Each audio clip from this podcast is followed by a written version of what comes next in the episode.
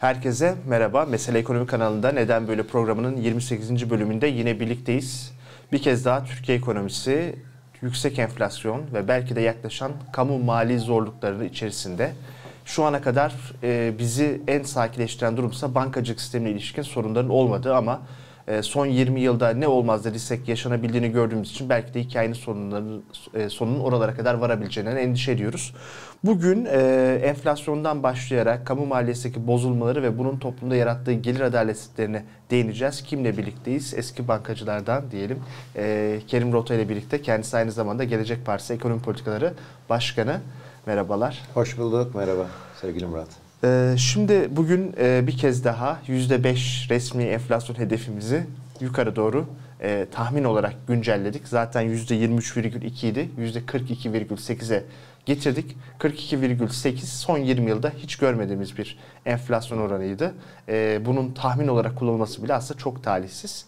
Hatta bir e, teknik bilgi de hatırlatalım. E, resmi hedef %5 ve bunu en fazla 2 puan yukarısına çıkabiliyorsunuz. Yoksa yıl başına da bir e, bahane mazeretinizi belirten bir açık mektup yazmanız gerekiyor ama hedef 42,8 Kamuoyu beklentisi bunun hayli üzerinde. Şu andaki enflasyon %61. Herhalde birkaç gün sonra açıklanacak enflasyonda %65'e gideceğiz. %70'e vurabiliriz. Kur hata olursa bambaşka yerlere gidebiliriz. Tek güvenlikte de herhalde aralıktan sonraki baz etkisi diyorum. E, bu hedefte ulaşılır mı? Ne dersiniz? 42,8. Ee, ulaşılmaz. Yani e, sürekli e, ileriye doğru taşınan bir çıta haline dönüştü enflasyon. Bu da çok tipik bir aslında e, enflasyon sarmalının içinde olduğumuzu gösteriyor. Bundan 4 ay önce ya 42.8 enflasyon olur mu diye sorduğumuzda bizim gibi analistler de ya herhalde 40'ı görmez derdik. Ki ben beraber katıldığımız evet. bir Halk TV yayında şunu evet. hatırlıyorum. Şirin Payzın sormuştu. Siz 30'ları görmeyeceğiz demiştiniz. Evet. O yanlış anlamıştı. Hı. Hiç 30'ları görmeden evet. 40'lara gideceğiz demek evet. istemiştiniz. Evet. evet. Ee, bizim bile e, hani bu kadar kötümser ol, olma şansımız yoktu bence bundan 4-5 ay öncesinde. E işte bu bir sarmal. Yani enflasyon beklentileri bozuldukça Merkez Bankası da bu beklentilerin peşine takılıyor. Çünkü faiz silahı artık elinde yok. Böyle bakınca 42.8'in de tutması artık çok zor görünüyor. Yani e, Mayıs ayından itibaren ortalama %1'lere 1,5'lara gel inmesi lazım enflasyonun. Oysa artık enflasyon dinamikleri aylık %3-4'lere oturmuş durumda. E, artık herhalde 70'leri gördükten sonra baz etkisiyle e, yılı 55-60'larda kapatırsak şanslı olacağız diye düşünüyorum ben. 12 aylık enflasyon sorarsak yani o işte baz etkisi çıktıktan sonra bugünden çünkü resmi düzeltiyorum e, piyasa katılımcıları anketi, Merkez Bankası oluşturduğu ankete göre %28. Ama evet. orada kamu bankalarını biliyoruz. Kamu bankaları evet. çalışanlar. Sonra hiç bilmediğimiz holdingler var, ismi açıklanmayan akademisyenler var. Onlar muhtemelen düşüyordur ama yani bir 35 puanın altında 12 ay sonra görmemiz evet. mümkün olabilir mi? Bence olmaz. Yine bence e, hani seçimden önce Hı-hı. tek hane demişti bakan ama seçimden öncesinde de e, 40'lar civarında bir enflasyonla bence e, yola çıkacağız diye görünüyor. E, ben Bu de, da bir kur hata olmazsa demin altını çizdiğin gibi. Tam oraya geleceğim ama öncesinde şunu diyecektim. İnsanlar genelde şunu tutuyorlar. Seçim olmasa hı hı.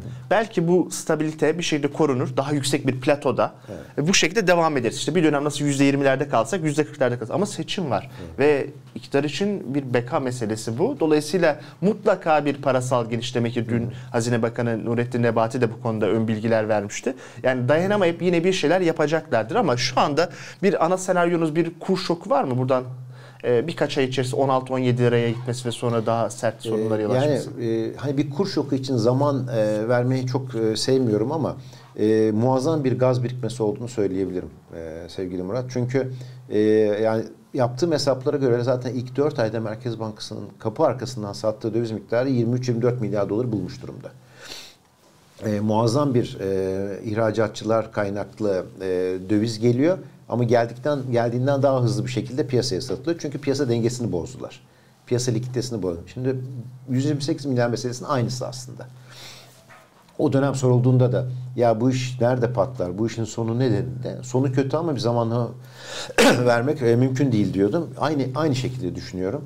E, ama e, bir sene boyunca yeni bir e, kur şoku yaşamadan, e, büyük bir TL devalüasyonu yaşamadan veya bir faiz şoku yaşamadan bu işin içinden çıkamayacağız gibi duruyor. Ee, yine burada da hemfikirim. Ee, yalnız e, sistemin birazcık daha bariyerinde olduğunu düşünüyorum. Yani bu 16 lirayı ekonomi kaldırabilir. Hı hı. Hatta 17 liraya doğru da kaldırabilir. Ama sonrasında yeniden bir e, çığa dönüşüp bir anda bambaşka yerlere hatta en sonunda bankaların dahi sermayelerinin e, erimesi neden ol, e, olabilirler. Peki e, yani Ukrayna savaşta olduğu petrol 100 doların üstüne oturduğu gibi e, böyle bir ortamda yani cari açık ciddi düzeyde veriliyor. Buna rağmen e, kur korumalı mevduata katılım da yüksek olduğu için satılabilecek cephane bulunabiliyor. Yani herhalde 4 ay önceki 5 ay önceki beklentimiz 53-52 milyar dolarlık bir KKM beklentisiydi. Buraya da ulaştı ve belki daha da artacak. Başka yol da bırakmadılar insanlara. Bankaları da zorluyorlar. E, yani ellerindeki bu mühimmatı turizmden gelen gelirlerle birlikte birazcık daha uzun süre e, götürecekleri şekilde takip edemezler mi? Ya bu mümkün. E işte o yüzden zamanlama veremiyoruz e, demek doğru olur ama e, yapılan şuydu e, sevgili Murat geçen Aralık ayından e, itibaren olabilecek olan e, bütün döviz arzını erkene çekmek, olabilecek olan bütün e, e döviz e, e, şeyin talebini de ileriye atmak. Yani muazzam bir zamanlama e, farkı yaratıldı. 24-25 e, milyar e, dolar civarında KKM ile gelen bir döviz var ama artık dövizden bozarak KKM'ye giren sayısı oldukça azaldı. Neredeyse sıfırlandı. Şirketler girdi, yabancılar girebiliyor, herkes girebiliyor ama buralarda artık bu doyuma ulaştı. Bitti. Doyuma ulaştı. Şimdi böyle bakınca artık bundan sonra ödeme zamanı geldi gibi görünüyor. En başta e, BOTAŞ'ın e, ödemeleri olmak üzere e, çünkü petrol fiyatlarının artışları e, Şubat'taki artışların ödemeleri Nisan-Mayıs gibi geliyor. Yani e, şey olarak teknik olarak. Böyle baktığınızda bu ödemelerin e, zamanı turizm sezonuyla denk gelecek olsa da e, bu dengeyi artık tutturmak oldukça Merkez Bankası açısından zor görünüyor. İşte bu nedenledir ki bankalara mektuplar gidiyor. Aman artık e, insanların kaldıraçlı döviz almasına engel olun. E, aman e, borçlanmalarınızı %9 ile 10 ile de olsa dolar borçlanmalarınızı bir şekilde döndürün şeklinde baskılar da e, bundan dolayı geliyor. Yani e, aslında yönetenler de biliyorlar ki bu sürdürülebilir bir denge değil. Bunu sürdürmenin yolu mümkün olduğunca döviz likiditesini ileriye atmak ve döndürebilmek. E, bunu yapmaya çalışıyorlar. Ama seçim öncesi e, dönem yani bir sene olduğunu düşünüyorum seçimlere. Seçime kadar olan sürede az bir süre değil. Yine de e, Ukrayna Savaşı'nın olumsuz etkisine rağmen turizm biraz daha tutturacak evet. gibi. Yani Türkiye zorunlu bir şekilde yaptırımlara sürüklenmedi. Muhtemelen yaptırımlarda büyük gedik açmadığı müddetçe de çok ağır bir batı baskısı almayacak. İşte Doğru. sadece hava sahasını ve boğazları askeri gemi ve uçakları kapatmakla yetinilecek gibi. Ee, Ukrayna'dan yaklaşık bir e, 2 milyon kadar bir turist kaybı var. Doğru. Rusya geçen sene 4,7 milyon gelmişti. Hı. Buna rağmen artması muhtemeldir e, diye düşünüyorum. Çünkü Rusya'da sermaye kontrolü gelip de rublenin değeri korunduğu için satın alma gücü ilk öngörüldüğü kadar Tabii. düşmedi. 2014'te ee, öyle olmamıştı. Türkiye'de bir e, dönüş olacaktır muhtemelen. Çünkü her şey çok ucuz evet. burada. Bize pahalı gelse bile yabancılar Doğru. için çok ucuz. Haliyle e, bakanın hedeflediği 35 milyar dolar turizm geliri belki ulaşılmaz ama hayalde değil. Evet. E, diye düşünüyorum. Yani e, belki 30 milyar, 28-30 milyarlık evet. bir e, turizm geliri bu sene ulaşılır. E, bu iyi ama tabii şunu da göz ardı etmiyor. Yani çok e, e, mevsimsel turizmi de artık düşünmemek lazım. Yani turizmde e, özellikle bazı gelirlerin önceden alındığı ve harcandığını da biliyoruz. O yüzden 35 milyar dolar 3 ay içerisinde ülkeye girecek gibi bir hayalde kapılmamak lazım. Öyle bir şey olmuyor. Bunun önemli kısmı önceden geliyor. Bir kısmı Ekim ayında e, geliyor. E, bu dönemsellik e, bir döviz dönemselliği anlamına da artık gelmiyor. Ama şurada sanıyorum hem fikir olabiliriz. Yine de iktidarın elinde Mayıs, Haziran, Temmuz'u yeni bir büyük bilmediğimiz şok gelmediği müddetçe atlatabilecek kadar silah var. Bir süre daha işte o net rezervler 15-20 milyar dolar aralığında. Yani satılabilir mi? Dibine kadar. Eksi 45 evet. milyar dolarda swaplar düşünce daha da satılabilir. İşte o esnada gelen birazcık e, ihracat. yeni ihracat gelirleri olacak. Aynı zamanda mevsimsellikten ötürü doğalgaz daha az yakacağız. Belki ödemesi gelecek ama önümüzdeki aylardaki evet. o baz etkisini birazcık daha rahatlatacak. Yani bir birazcık daha alanı var gibi ama Mutlaka. ben de aynı şekilde düşünüyorum. Ee, 12 ay çok uzun bir süre. Bu bir gol atıp karşı tarafta Real Madrid var ve bir gol attıktan sonra eskaza atmışsınız tesadüfen. Kendi kalelerini atmış hatta onlar da. Kendi ceza sahanıza çekiliyorsunuz ve geriye kalan 80 dakikayı böyle geçirmeye çalışıyorsunuz ama mutlaka atar diyorlar. Yine de e, bugüne kadar iktidarın e, şanslı olduğu anları da unutmamak gerekiyor. Çok da şanslı oldu bu pandemi ve Ukrayna savaşı ama Artık e, o kadar eskiden hep denirdi ya bu hem darbe teşebbüsünden hem de bu e, para bolluğuna ötürü iktidar çok şanslı diye. Bence o şansını da kapatmaya başladı. O yüzden bundan sonra şansını yaver götürecek belki gelişmeler de olabilir. Birinde mesela bu Kaşıkçı cinayeti tabii çok talihsiz bir şey. Bu stüdyoya yakın bir yerlerde gerçekleşti. E, onu e, Türkiye'de gerçekleşmesi Türkiye'nin eline bir kaldıraç verdi. Yani çok çirkin bir şey tabii bunu siyasi olarak kullanmak etmek ama böyle bir şey var mı? Var. Suudi Arabistan da bundan faydalandı böyle gitti. Bu tip yöntemlerle mesela e, Abu Dhabi'den 5, Katar'dan 15 milyar dolar gelince bir Suudi Arabistan'da bölgenin en büyük ekonomisi belki de oradan çok ciddi bir beklentiye girdiler. Suudi Arabistan gelirse e, Kuveyt gelir, Bahreyn gelir. Belki ikinci turda Abu Dhabi'ler bir daha arttırırlar gibi böyle bir iyimser beklentilerde olabilirler. E, mümkün mü? E, şimdi Merkez Bankası'nın rezervlerine swap yoluyla ülke rezervlerine gelecek olan katkının e, makyaj dışında hiçbir etkisi yok. E, Türkiye'nin e, ihtiyacı olan e, bütçesinin içine girecek olan bir para. E, bunun da ötesinde ödemeler dengesine destek olacak bir para. Yani Merkez Bankası'na swapla gelen bir rakam burada e, bence hiçbir e, artık bu saatten sonra e, önemi olmaz. Ama yani şöyle kimse şeye bakmıyor. Oraya zaten bakmıyor diyorsunuz. Artık oraya hiç biz, bizler de bakmıyoruz. Ama bütçeye bir para nasıl girebilir? İşte büyük bir borçlanma yaparsınız. O borçlanmanın tutarları içeri girer ve bunu da harcarsınız, basarsınız, dağıtırsınız. 3 milyar dolardan fazla da tek seferde hazine borçlu olmadığı Ondan için. bahsedecektim. Yani bir piyasa işlemi dediğiniz 2-3 milyar dolarlarla sınırlıdır. Türkiye'nin bütçe dengeleri artık 2-3 milyar dolarlık borçlanmalarla e, borçlanmaları yapıp bunu bütçe kaynaklarını ilave etmekle altından kalkabilecek bir düzeyde değil. Yani Türkiye'nin ciddi ayakları yere basan e, gerçekçi bir makro plana ihtiyacı var. Bu konuştuğumuz şeylerin hemen hemen hepsi palyatif tedaviler maalesef. Palyatif tedaviler sadece bir miktar konfor sağlayıp bir miktar e, zaman kazandırıyor. E peki o zaman ben de tersten şöyle bir şey sorayım. Madem durum bu kadar kötü, e, dövize talep var, işte faizleri baskı altı tutmaya çalışıyorlar ama piyasa faizleri onlardan bağımsız. Baktığım zaman tamam politika faizin üstünde devlet tahvili faizleri işte politika faizi 14 onlar %20 ile 25 arasındaki bir grupta ama e, enflasyon beklentileri çok daha yukarıda. Doğru. Niye o kadar yukarıda değil? Orada da mı acaba bir başka e, durum yani Şöyle tabii ki artık tahvil sahiplikleri hemen hemen tamamen bankacılık sektörüne geçmiş durumda. Yabancıların tahvil sahiplikleri 2013-14 yıllarında %25'lere kadar çıkmışken şimdi %1-2'lere %26'yı hatırlıyorum. Nisan evet. 2013. Evet.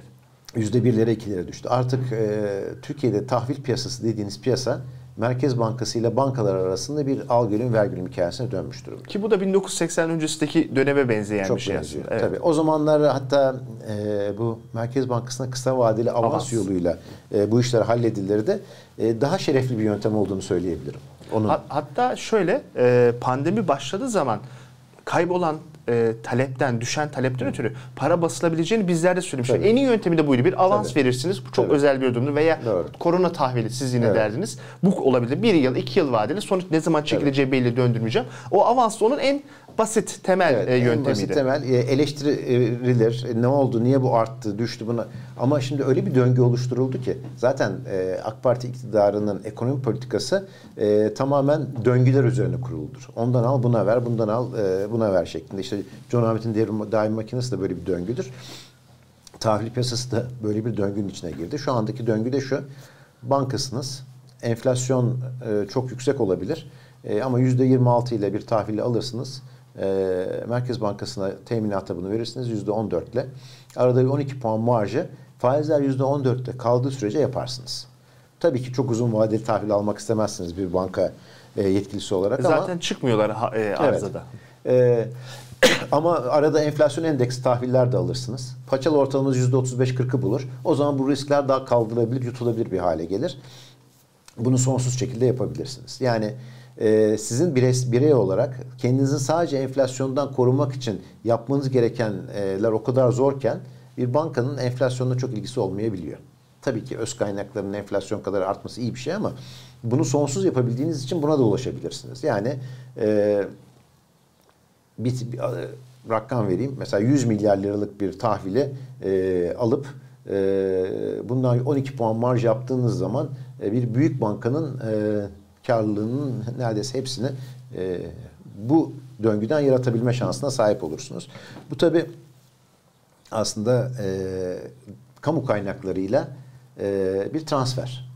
Ama kamu kaynakları transfer bununla da bitmiyor tabii. Birçok e, bunun dışında gayrimenkul işinde de var. Başka KKM gibi ürünlerde de bu var. E, bu döngüleri devam ettirmenin yolu da budur zaten. Kamu kaynaklarıyla birilerine transfer yaparsınız. Onlar da sizin adınıza bu döngülerin taşeronluğunu yaparlar. Bankacılık sisteminde biraz bunu yapıyor. Şimdi genelde şöyle bir eleştiri gelir. İşte hep ekonomi batacak, edecek diyorsunuz olmuyor diye. Yani o aslında hayal edilen bir ani duruşun olmaması. Bunun olmama nedeni de aslında bunlar diyoruz. Yani e, tamam demografik nedenler var. Türkiye nüfusu her zaman büyüyor. İşte informal e, kayıt dışı ekonomi var. Bunlar etkili ama daha önemlisi bir ucuz kredi ki o cebinizdeki paranın verilmesi. E, siz susarsanız tabii ki yöntem bulup verirler. Şu an toplum buna ses çıkarmıyor. O zaman iktidar kullanır. İkincisi de ucuz işçilik. E şimdi bugün hep kullandığım bir örnektir. ODTÜ elektronik mezunu 10 yıllık Aselsan'da çalışan kişinin aldığı para 30 bin lira. Evet. Şimdi 2000 dolar. Şimdi 30 bin lira deyince hemen bir şöyle bir yapıyoruz. Eski alışkanlıklarında iyi para diyoruz. Sonra 2000 dolar. 2000 dolar Avrupa için hatta 2000 euro bile değil. Avrupa için çok küçük bir para. Tabii. Bu 2000 dolar e, yani Türkiye'de bir öğretmen maaşının zaman zaman ulaştığı, bundan bir 10 sene kadar önce ulaştığı bir seviyede olmuştu. E, üstelik e, şöyle düşünelim. Bahsettiğimiz kişi de çok zor bir sınavda başarı elde ediyor, okulu bitiriyor. Arkasından çok kişinin hayalini kurduğu bir kuruma giriyor. 10 yıl deneyim kazanıyor. Ondan sonra bu Tabii. ücretlere geliyor. Yani e, böyle bir e, döngün içerisine girildiği zaman e, siz ses çıkarmıyorsanız e, ucuz krediye de ses çıkarmıyorsanız e, tabii ki iktidar döndürür. Bize tabii. değil halkın biraz burada kendisine tabii, bakması gerekiyor. Şöyle yani hep işte hani krizle ani duruşları birleştiriyoruz. Bizim kafamızda burada ama krizlerin artık niteliği de değişti. Yani en son ani duruş Lu kriz 2008 Lehman kriziydi. Ondan sonra artık zaten ne bir ülkenin ne bir e, e, hükümetin ne bir bankanın ne bir şirketin batmasına da izin verilmiyor. E, bütün bu ani duruşlar e, uzun dönemli fakirleşmelere dönüştürmüş vaziyette. Evet. Uzun dönemli fakirleşmenin e, tabii ki e, mağdurları da çalışanlar, sabit gelirler oluyor. E işte hep kullandığımız e, benzetmeyle kurbağanın e, suda evet. hafif hafif kaynaması bir anda e, e, sıçraması olmuyor. Şimdi buradan yavaş yavaş kamu maliyesine geçelim. Çünkü benim beklentim e, bu yıl e, son 20 yılın en kötü bütçesini yapacağımız bir küresel finansal kriz nedeniyle olanı varsaymazsak e, işte 400-500 milyar lira gibi ki bunlar da 30 küsür milyar dolar anlamına geliyor. Büyük bir açık söz konusu. Neden? Bir asker ücretteki e, gelir vergisi feragatına ötürü. Evet. İkincisi e, teşebbüs gelirleri gelmedi. Elektrik üretim maaşı ve BOTAŞ'ta zarar var. Kamu bankaları da sermayeye ihtiyaçları oldu. E bunun haricinde e, e, iktisadi aktivite çok canlı değil. Bir önceki yıl gibi %11 büyüme yok. Yani kurumlar vergisi ve diğer kısımlarda ithalden alınan KDV'de ve benzeri böyle bir e, gelir sağlanmayacak. Diğer taraftan giderlerde yüksek. Hala ekonomi canlı tutmaya çalışıyor. Mega projelerin ödemeleri başladı ve benzeri. 3 trilyon liraya da yaklaşmış bir borç durumumuz var. Yani eski dönemlerde şu insanların böyle ülkenin bir iflas etmesi deyince aklına gelen hep bu olurdu. Yani işte bir gün olacak kamu borçlanamayacak veya kamu ödeyemeyecek. Böyle bir yere gelmiyoruz yeni dönemlerde ama sanki çok böyle bir duvara toslamasak da böyle bir sağa sola çarparak sağlam böyle hasarlar alabilirmişiz gibi geliyor bu yıl. Yani bütçe ben de 500 milyarın üzerine bir açığa gidebileceğini e, düşünüyorum. KKM ödemeleri bunun üzerine etkili olacak. KKM için yapılan e, vergiden vazgeçişler. E, 10 milyar lira. Şimdi. Evet. Bu arada bir ekleme yapayım. İlk baştaki KKM'lerin herkes 3 aylık olduğunu varsaydı. Hı hı. Belki 12 aydı, belki bir anda çat diye yıl tabii, sonunda ödeyeceğiz bunları. Tabii. tabii. E, bunun dışında e, tabii stopaj indirimlerinde e, uzun süredir vazgeçilen e, mevduattaki stopaj e, indirimleri. E, Birçok kalem var. BOTAŞ'a yapılacak olan sermaye transferlerinin bu sene çok büyüyeceğini e, düşünüyorum. Böyle bakınca kamu maliyesinde 500 milyonun üstünde ama kamu maliyesindeki açığın büyümesi borcun ödenmemesi anlamına gelmiyor. Biraz evvel verdiğimiz döngünün büyümesi anlamına geliyor.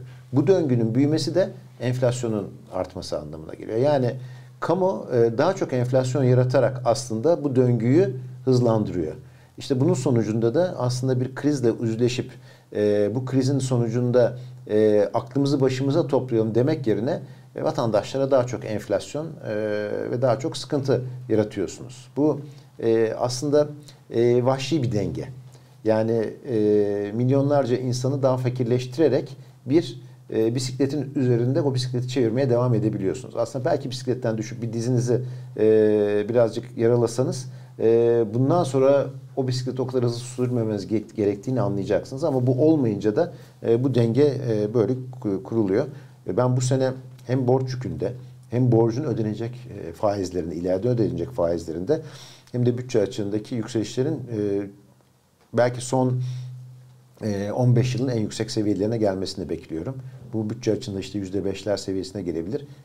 Milli gelire borcu olarak da %50'nin üstünde kamu milli gelir, kamu borcu milli gelir oranında %50'nin üstünde bir rakamlara geleceğiz gibi görünüyor. E, ki burada e, bir faktörü daha eklememiz gerekiyor. E, işte TÜFE'ye endeksli tahviller. Yani e, evet. e, ben de sizden öğrenmiştim yazınızdan. Perspektif ondaydı sanıyorum. Evet. Bir de devlet muhasebesinde böyle bir e, oyun varmış. Yani aslında devletin ileride ödeyecekleri bazı e, yükler esasında kısa vadede sanki bir gelirmiş gibi muhasebeleştirilmiş evet. ve ileriye atılmış. Ve o makyajı kaldırdığımız zaman da kamu maliyesinin evet. daha borçlu olduğunu görüyoruz. Detayı alabilir miyiz? Ya e, özellikle kamu borçlanmasının e, benden sonra tufan mottosuyla yapıldığını düşünüyorum artık. Yani e, kamu ihtiyacı olduğunda borçlanır. Bunda hiçbir beis yok. Ama bunu borçlanırken de e, etik bazı e, kurallara da uymanız lazım. Yani enflasyon endeksli e, tahvillere e, enflasyon farkları faiz olarak geçiyor. Yani bir enflasyon endeksi tahviller %60 enflasyon varsa bu %60'lık bir faiz anlamına geliyor. Enfla... Yani birileri biz vatandaş olarak almıyoruz ama Almıyoruz. birileri alıyor, bankalar alıyor. Bankalar alıyor. Vatandaş olarak da alabilirsiniz ama almayı tercih etmezseniz çok uzun vadeli ve kupon ödemeyen e, enstrümanlar olduğu için almıyorsunuz. E, bunu bankalar alıyor. %14 ile borçlanıyorlar. %60'a yakın bir getiriyi bunlar elde ediyorlar. Bankalar bu gelirleri anında yazıyorlar ve karları patlıyor. Ama hazine bunun giderlerini vadede muhasebeleştiriyor. Yani 3 sene, 5 sene, 10 sene sonra. Dolayısıyla hazinenin enflasyon endeksi tahvilleri diye gördüğümüz, borç stoğunda gördüğümüz sadece ana parası. Bütün faizler ki şu anda bu faizler ana parasında enflasyon endeksi tahvilleri çoktan geçti. Bu e, faizler ileride ödenecek. Bu da yetmiyor. Yani o zaman ne yapmanız lazım? Enflasyon çok yükseldiği dönemlerde biraz etik bir hazineciyseniz ya ben bu enflasyon endeksleri çok fazla ihraç etmeyeyim e, bunun kamu üzerine çok büyük yükü olacak demeniz lazımken bunu ki, yapıyorlar. Ki e, önceki dönemlerde şu olurdu. Yani mesela 10 yıllık faizler Hı. çok yukarı çıktığı zaman Kısa uyarılıyordu. Evet. Kısa vadeye gidelim evet. Sayın Bakanım yapmayalım. Evet. Ülkenin geleceğini çalmayalım Aynen. diyen bir yapı vardı. Tabii yapı vardı. Şimdi bol bol bunlar e, ihraç ediliyor. Daha geçtiğimiz hafta 20 küsur milyarlar yeni enflasyon endeksi tahvil ihraç edildi. Bununla kalınmıyor. Bir de enflasyon endeksi tahvillerin yeniden ihracı diye bir e, uygulamayla bu tahviller yeniden ihraç edilerek aradaki e, bir yıl geçmişse, iki yıl geçmişse bir önceki ihraçta aradaki enflasyon farkları bir güzel faiz gelir olarak bu sene bütçeye şey yapılıyor, giriliyor. Ve dolayısıyla hem o bu sene bütçeye giren para hem de ileride ödenecek enflasyon farkları ileri atılıyor. E onu da ben yazımda detaylı yazmıştım. E artık bunun hani bunu nasıl adlandıracağımı bilmiyorum. Çok ağır konuşmak istemiyorum ama artık bunun yapılması bence e, etik olmamanın çok ötesinde. Sanki hani muhasebede genel şöyle bir ilke vardır. Hı. Bir e, nakde dayanan muhasebe bir de tahakkuka dayanan. Doğru. Nakde dayalı yapılıyormuş gibi. Ne de olsa şimdi ödemiyoruz Devlet diye muhasebesi hep nakde dayalıdır. Hı. Ama bunu e, biliyorsanız da nakde dayalı muhasebeye güvenerek de e, bu işlerin içine hiç girmemek lazım. Biraz da e, devleti ve gençleri ileride vergi ödeyecek gençleri de e, savunacak e, insanların artık o koridorlarda oturuyor olması lazım. Peki bir yerden ipin ucu kaçtı diyelim. Yani kur işte 1-2 lira daha yukarı gitti, bir baskı oldu ve biliyoruz ki iktidarın kırmızı çizgilerinden biri işin bankalara sirayet etmesi. Evet. Olduğu zaman çünkü tamamen duruyor. Buna gelmesini engelleyebilmek için son anda e, hem ekonomi canlandırmak hem de kamu finansmanı sağlamak için böyle çok yüksek faizli Türk lirası tahvil enstrümanlar çıkarılabilir mi? Şimdi bu şu aslında soru. Ee, eğer e, bir ödemeler dengesi krizine gelirse, yumurta kapıya gelirse Hı.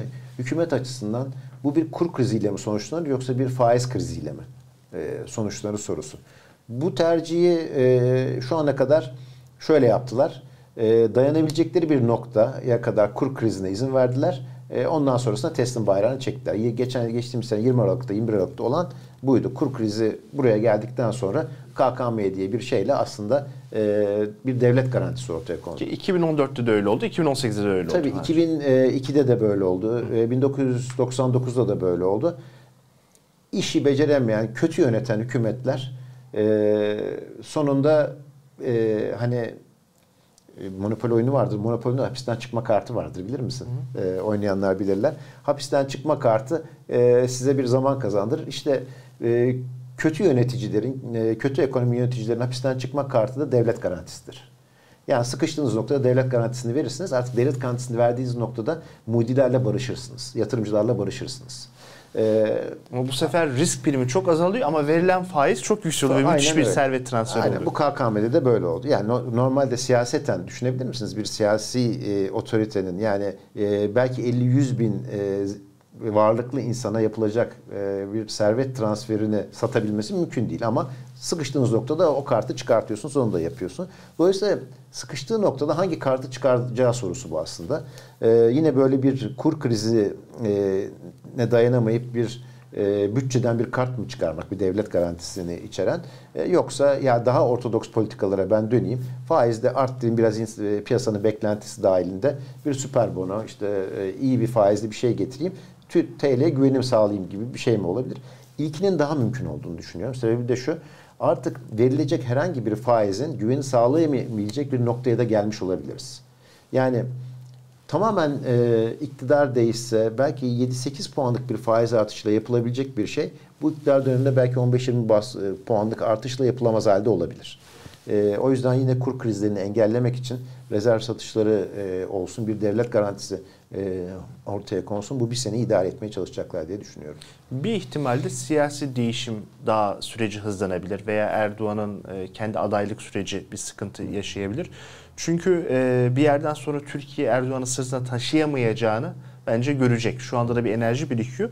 Ama bahsettiğiniz gibi mesela hep alışmışız o ani duruş bir anda kalp krizi. Onun yerine sürekli nefes darlığı gibi işte gidiyorum gidiyorum kalp krizi de geçirmiyorum ama hep yoruluyorum. iki adım atıyorum nefes nefese evet. kalıyorum. Dediğiniz bir ortamdayız. Bunu da en çok e, orta gelirli ve gençler hissediyor. Evet, Çünkü e, araba almak istiyorlar. Ev almak istiyorlar ama hepsi pahalı. E, maaşlarına bakıyorlar zam alıyorlar ama hiç onlarla kıyaslanabilecek düzeyde değil. E, kredilere bakıyorlar bir grup alıyor e, işte arabalar için lüks arabalar için sırada oluyor. Yine gidiyoruz işte Bodrum'da işte e, Çeşme'de en iyi yerlerde eğlenenlerle dolu İstanbul'daki lüks semtlerde oluyor.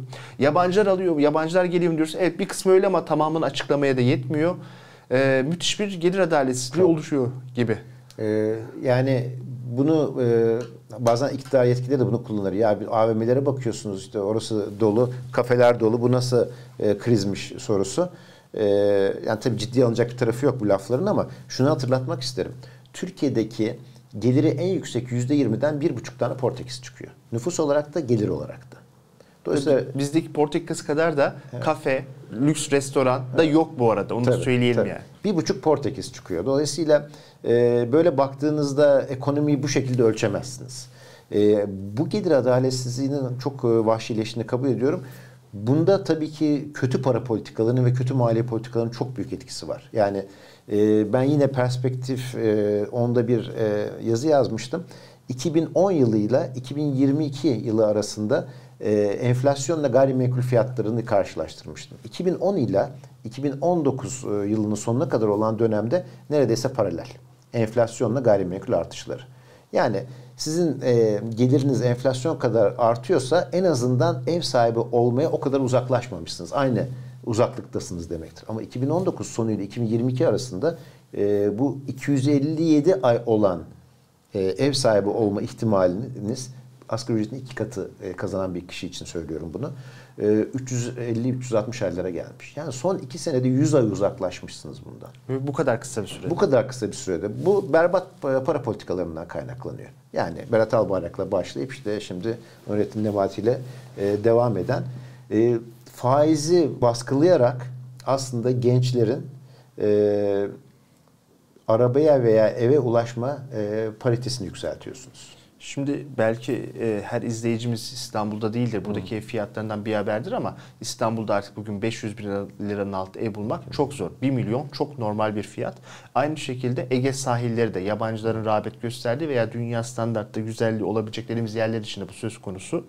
E, çünkü bazen böyle tepkiler geliyor. Çok küçük yerde Anadolu'da gelenler öyle olur mu canım abartıyorsunuz girip de en uç sitesi. Hayır değil. Hı hı. İstanbul'da hakikaten 500 bin liranın altına bir ev bulmak artık çok zor. Çok dışarıda çok daha e, eski konusu dokunan olması gerekiyor. E, dolayısıyla da e, mevcut e, gençlerin e, de bir ev alma hayalleri gidiyor veya çok daha büyük para vermeleri gerekiyor. Bu da Bak, tabii bir, muazzam bir göçe de yol açıyor. Tam için bir çözüm e, yöntemi var bunun. Hı hı. Eğer yurt dışında bir karşılığınız olduğunu düşünüyorsanız oraya gidersiniz. Tabii. Dengelemeye çalışırsınız. Evet. E, işte karşılığı olanların gitmesi demek de e, aslında sizin e, kalite ihraç etmeniz demek. Yani çok ucuza kalite ihraç ediyorsunuz. Bu da e, içerideki kaynaklarınızı çok kötüye kullanmak e, anlamına geliyor.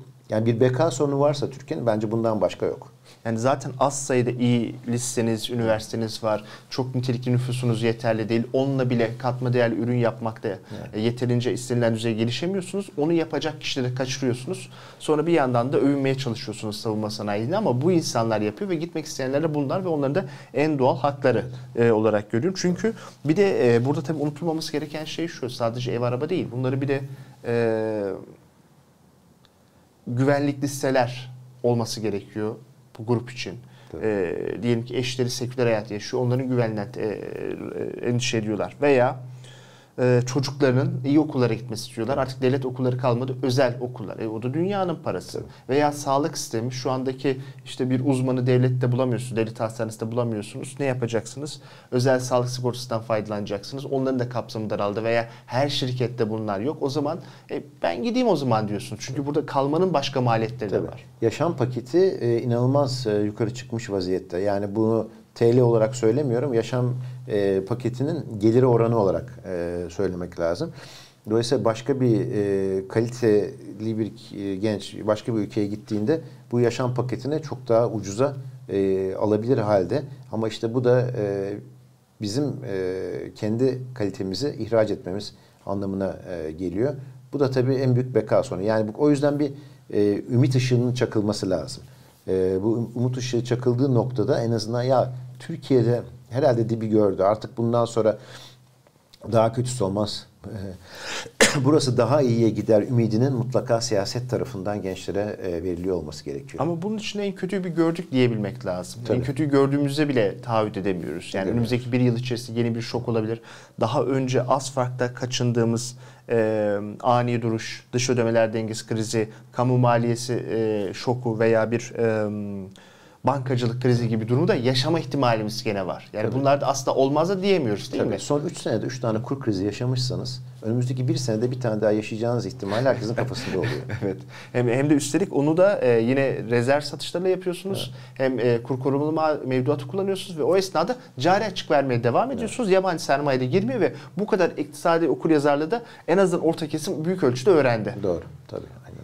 Ee, teşekkür ederim. Bayağı e, bilgili, e, dolu bir program oldu. Özellikle bu enflasyon ve ondan sonra kamu maliyesi ilişkin kısımların ben e, daha ilgi göreceğini düşünüyorum. Çünkü ilerleyen aylarda enflasyonu çok konuştuk ama kamu maliyesi unuttuk. O iki, 90'lı yılların sanki bir e, mevzusuydu. 2000'lerin başında biz onu hallettik, bitti diyoruz ama hayır. Kamu maliyesi tekrardan ortaya çıktı. Tabii onun bir enflasyon vergisi gibi yani top, e, yoksulluğu bütün topluma yayarak e, çözme yöntemleri de var. Şu anda kısmen de uygulanıyor ama öyle bir yere geliyor ki bir gün o enflasyon e, artık bunu da döndüremeyecek yere geliyor. Türkiye'de bunu 90'lı yıllarda zaten yaşamıştı. Biz e, Tansu Çiller döneminde de bunu görmüştük. 2001'e doğru giden süreçte de e, görmüştük. Umarım benzer e, durumları bir daha yaşamayız diyoruz ama e, demek ki tarihsel olarak ders almamız için aynı şeyi bir daha üstünden geçmemiz gerekiyormuş ama bu sefer bir jenerasyonun e, uzun vadeli kaybı pahasına oldu. Evet. Teşekkür ederim ben katılımınız teşekkür için. Ederim. E, bu hafta neden böyle de enflasyonla başladık, kamu maliyesindeki sorunlara değindik ve bütün bunların yaratmış olduğu gelir adaletsizliklerini ve uzun vadeli kayıplara e, değinerek tamamlamış olduk. Bir sonraki yayında görüşmek dileğiyle, hoşçakalın.